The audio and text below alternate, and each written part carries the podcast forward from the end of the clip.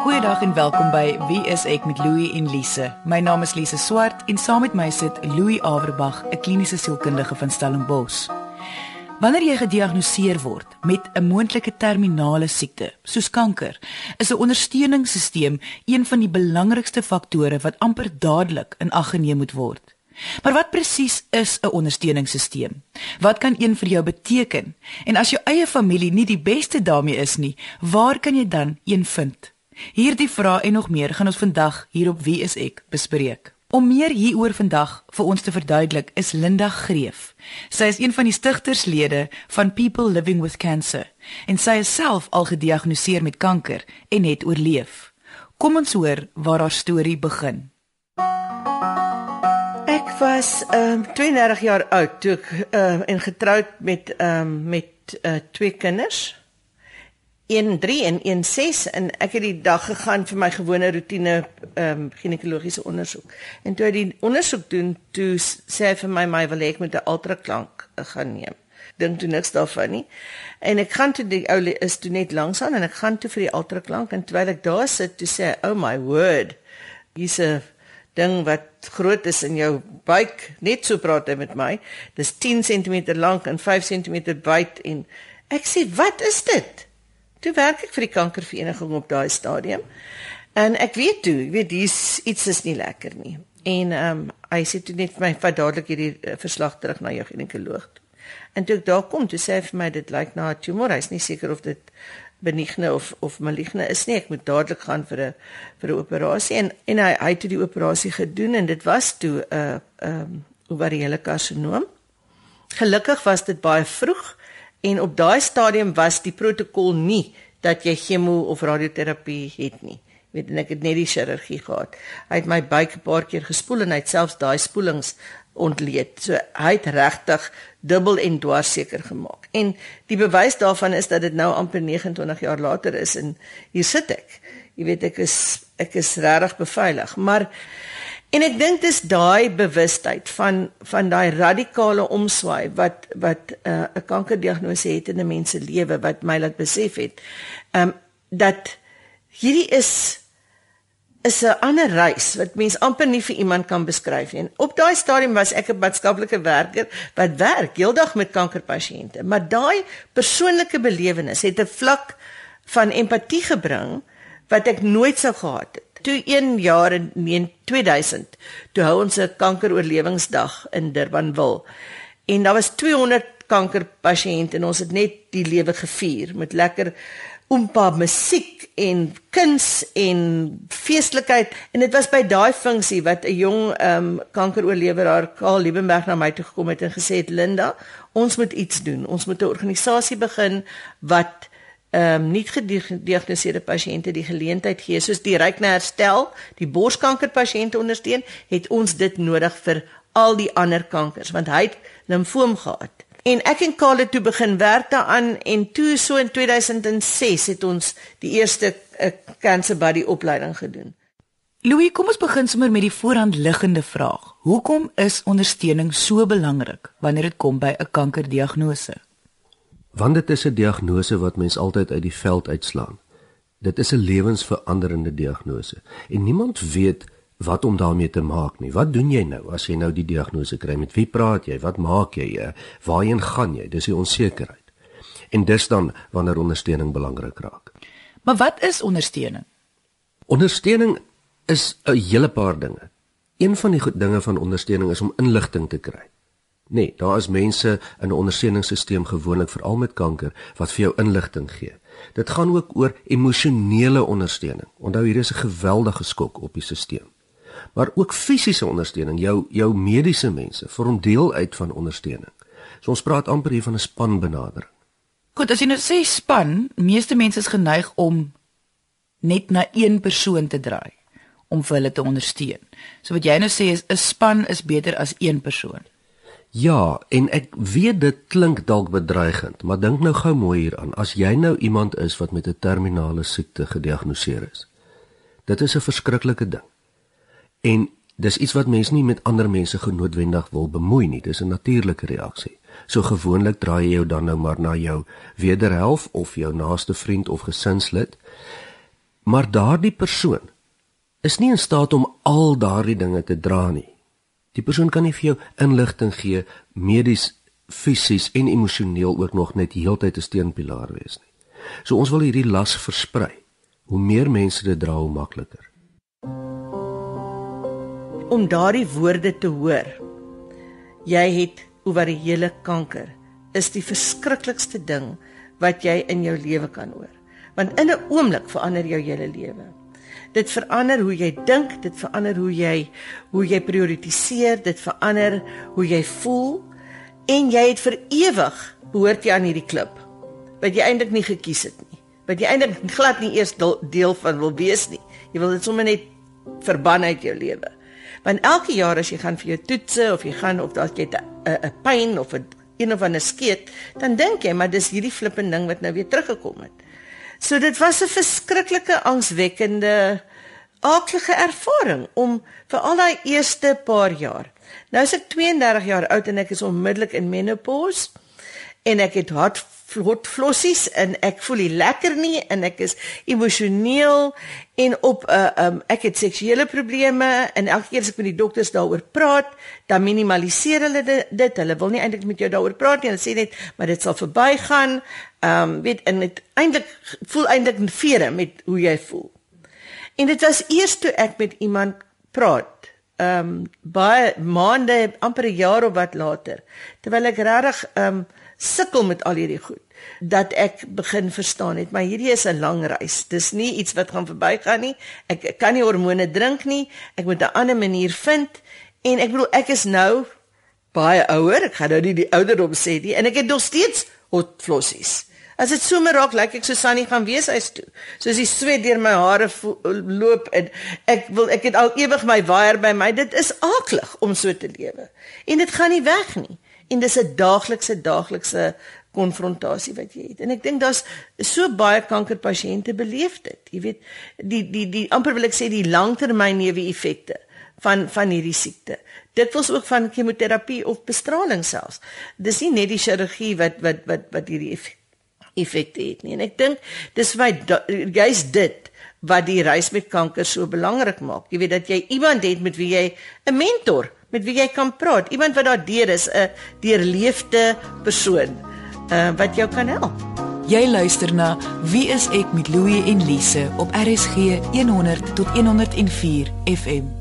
Kan mense alleen deur so 'n situasie kom? Is daar sekere persoonlikhede wat byvoorbeeld beter daarmee is om liewer te alleen deur 'n diagnose te kom of is dit 'n geval van almal sal ondersteuning nodig hê? Ek praat nou op 'n emosionele vlak. Ja, kyk, as jy praat van kan mens, natuurlik kan mens alleen deur enige iets kom, nê. Nee. As jy regtig moet en daar is baie gevalle daarvan. Maar ons leef ook nie meer in die middeleeue nie.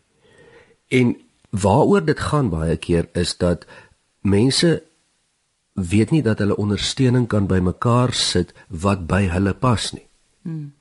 Jy hoef nie ondersteuning soos wat jy dit in 'n tydskrif lees of oor die radio hoor selfs soos ons dit voorstel jy het nodig om dit by jouself te laat aanpas en dis baie maklik as jy iemand is wat nie van nature met ander mense gesels nie dat jy dan op 'n een tot een manier met iemand gesels is ook goed. So wat jy sê is jy moet vir jou ondersteuning kry wat by jou gaan pas. Dis wat recht. vir jou gaan gemaklik laat voel. Ja, jy sal gemaklik moet wees. Gee tog maar 'n kans om te kyk wat daar buite is voor jy jouself isoleer.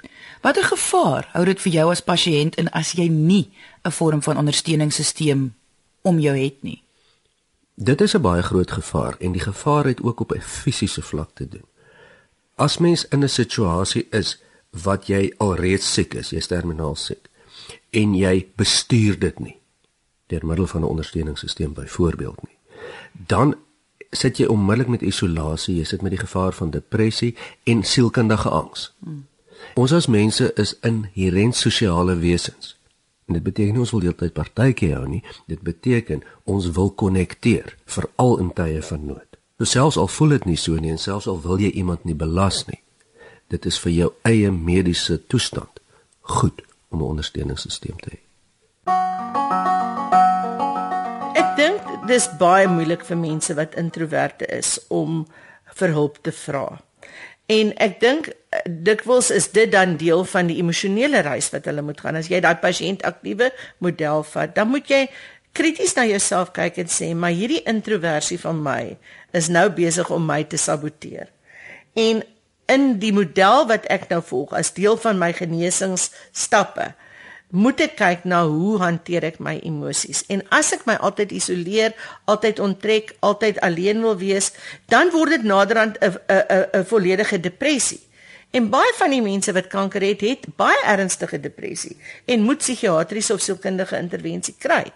En daarom is dit so belangrik dat daai introvert persoon moet sê, ehm um, as ek dan nie 'n buddy wil hê nie, wat wat wat is ek bereid Watter stap is ek bereid om te neem om iets te doen rondom hierdie aspek, maar ek kan dit nie alleen doen nie. Jy kan nie. Uh dan moet jy na 'n sielkundige toe gaan of jy moet na 'n psigiater toe gaan en jy moet jy moet pille kry as dit nodig is. Jy moet 'n volledige assessering kry om te bepaal wat dit is wat jou hierdeur gaan help. Wat is die kleinste stappie wat jy kan neem? Om in die regte rigting te beweeg. Daar is pasiënte wat kanker het wat selfmoord pleeg omdat hulle hulle hoop verloor. En dis vir my die hartseerste ding want dis onnodig. Daar is soveel hulp daar buite. Ek wil tog aanhak hier by wat Linda sê. Onthou 'n terminale diagnose, byvoorbeeld kanker. Dit val jou gemoed aan nadat dit mos nou jou liggaam afgetakel het. Dis die eerste plek waar dit jou val is jou gemoed. Hoekom?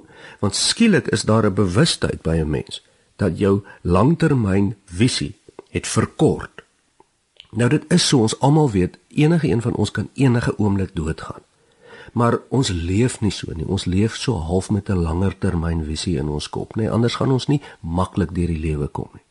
Maar 'n terminale diagnose sit 'n stop daarop. En dit is dan waar mense hele filosofie van die lewe onmiddellik verander. En dis moeilik en swaar om alleen met daai gedagtes in jou kop te sit. Ons praat vandag oor die belang van 'n goeie ondersteuningssisteem wanneer jy gediagnoseer word met 'n siekte soos kanker. Voor die advertensiebreek het ons gesels oor wat 'n ondersteuningssisteem behels en wat die waarde van so 'n sisteem vir jou kan wees. Indien jy weer na vandag se episode wil luister, kan jy as 'n pot gooi op RSG se webwerf. Dit is rsg.co.za. Gaan net na pot gooi en die sleutelwoord is wie is ek. Ons gas vandag is Linda Greef. 29 jaar gelede was sy gediagnoseer met ovariële kanker wat sy oorleef het.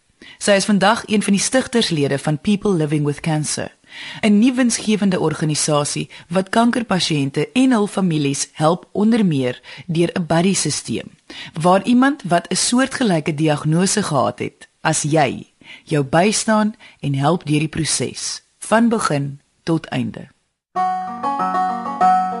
Ehm um, ek dink die die die die die groot ding van die buddies vir my is is wanneer jy gediagnoseer word, ook as gevolg van die stigma, raak jy so geïsoleerd. Jy praat met niemand en jy voel jy's alleen. Jy kan nie eens dink dat daar iemand anders is wat so swaar kry soos jy.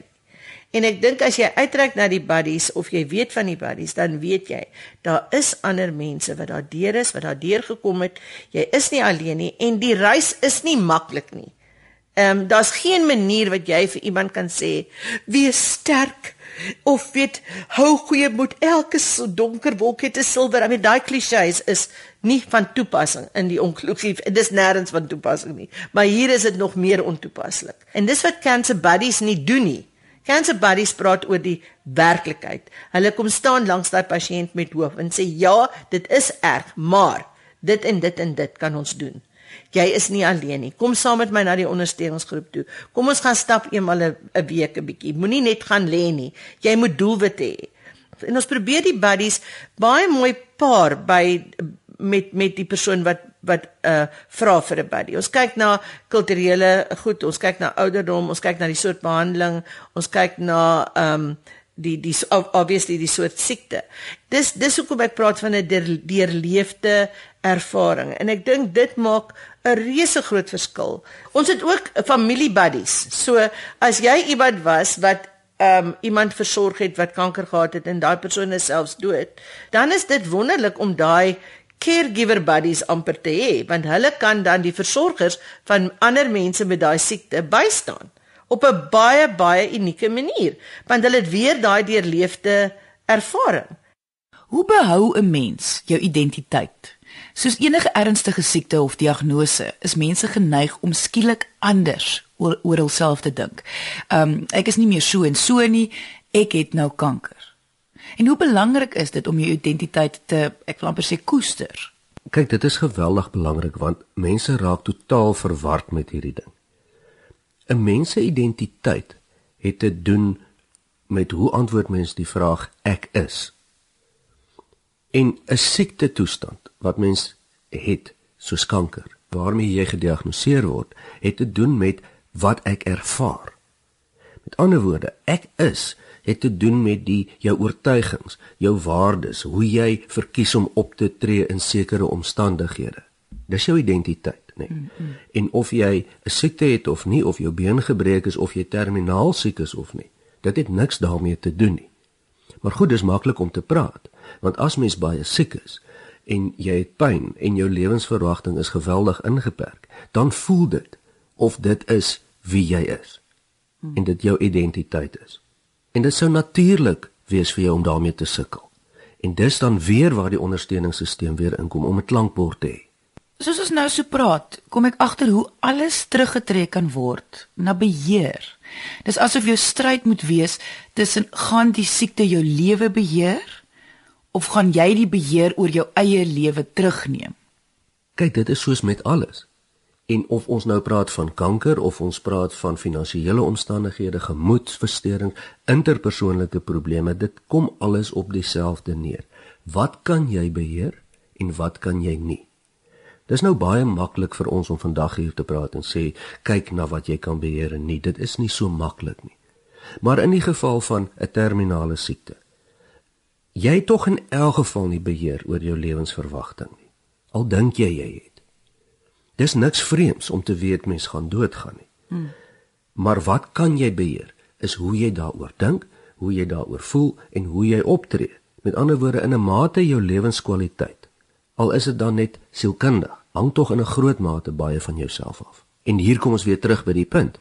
Enige iemand sal hiermee sukkel. En dit is dan weer waar die ondersteuningssisteem van mediese vriende, familie, wie ook al daar is, mense wat weet waaroor hierdie ding gaan, wat al daardeur is vir jou saam met jou kan gesels. Maar op 'n fisiese vlak moet jy kyk na jou dieet, jy moet kyk na oefening, jy moet kyk na jou ehm um, algemene gesondheid op 'n ander vlak, jy moet kyk na jou emosionele verhoudings, jy moet kyk na jou ehm um, jou vriendskappe, jy moet kyk na jou spiritualiteit, jy moet kyk na jou kinders en hoe hierdie siekte jou kinders affekteer. Jy moet kyk na elke aspek van jou lewe en elkeen van daai aspekte moet jy 'n plan van aksie hê. Daar moet doelwitte wees. En die oomblik wanneer jy begin doelwitte stel, die oomblik wanneer jy begin om te sê maar ek is nie 'n slagoffer nie. Ek neem beheer totdat ek voel ek is in 'n plek van vrede waar ek voel ek het 'n span om my wat my kan help en wat my effektief kan help. Dan neem jy beheer. En dan begin jy voel dat jy jou reis met groter gemak begin aanpak. Jy voel meer in kontrole, jy kan jou emosies uh verbaliseer. En asseblief tog, as ons net kan wegkom van hierdie sterk wees sindroom, jy moet tog net nie huil nie. Wie, wie dan dan is jy negatief of hierdie hele positiewe denke nonsens ding. Weet jy moet positief wees. Hoekom moet jy positief wees as jy hartseer is en bang is? Weet as mens huil beteken dit nie dat jy negatief is nie. Die belangrike ding is dat jy jou emosies verbaliseer, dat jy dit nie in jou lyf dra nie. Want ons weet as jy al daai goed in jou lyf dra, dan word jou liggaam, gaan jou liggaam oor in 'n veg 'n uh, 'n uh, uh, vlug 'n uh, uh, uh, reaksie en al daai adrenalien is negatief vir jou immuunstelsel. So die verbalisering en die ontlading van jou emosies is verskriklik belangrik. Kanker noop jou om ook na hierdie emosionele aspekte van jou lewe te kyk. Ons wil by Linda weet wat daagliks ook werk met die bewusmaking van kanker. As ons almal van kanker weet, hoekom bly bewusmaking nog so belangrik? Bewusmaking lê op op op baie vlakke. In die eerste plek dink ek is bewusmaking om te weet wanneer wat is die waarskuwingstekens van kanker sodat ek betyds kan gaan. Want die belangrike ding van kanker is, hoe vroeër jy gediagnoseer word, hoe groter is jou kanse oor op oorlewing. En hoe makliker is jou behandeling.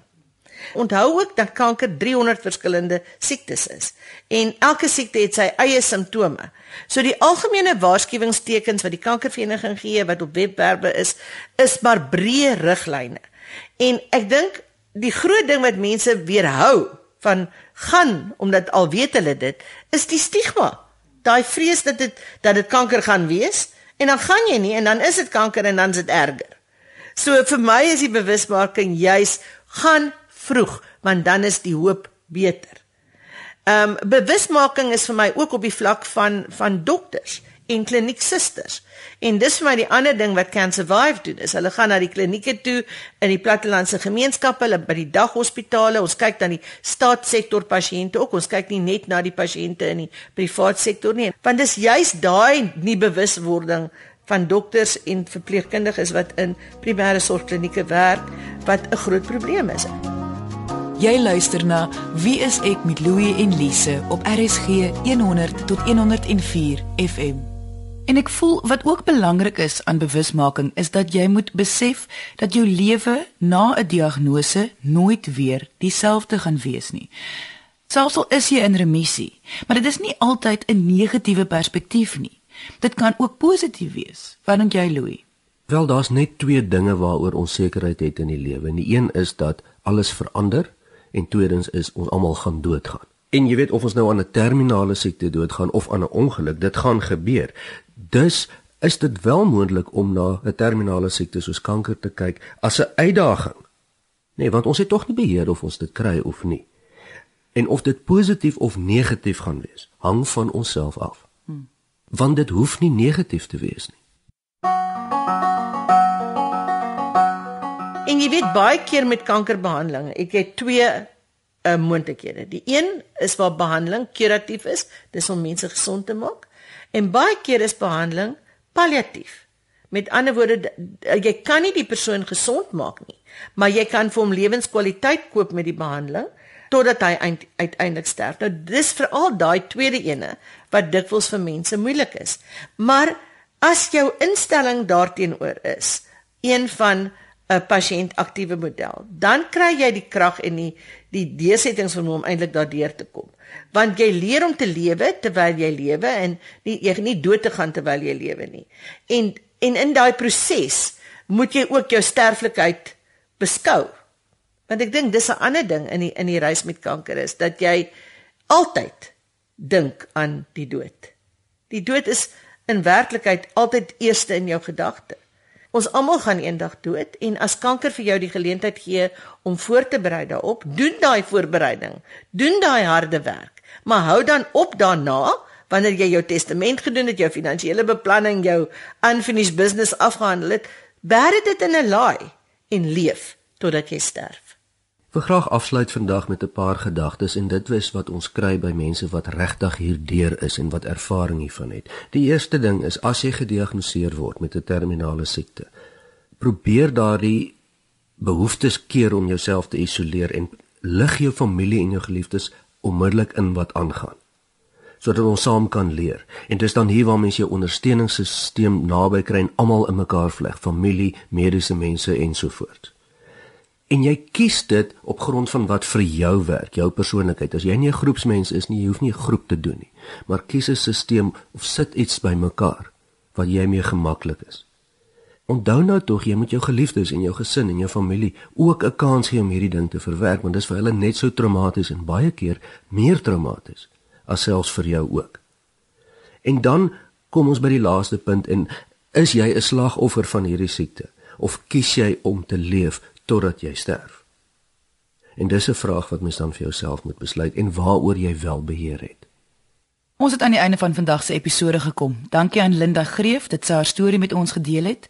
Indien jy enige vrae oor vandag se onderwerp het of meer inligting oor Linda se organisasie wil hê, kan jy ons kontak deur ons webwerf wieisek.co.za of op ons Facebookblad onder wie is ek met Louie en Lise. Baie dankie dat jy vandag ingeskakel het. Ons maak weer so volgende Vrydag net na 12:00 op RSG. Jy moet 'n heerlike naweek hê en onthou, kyk mooi na jouself.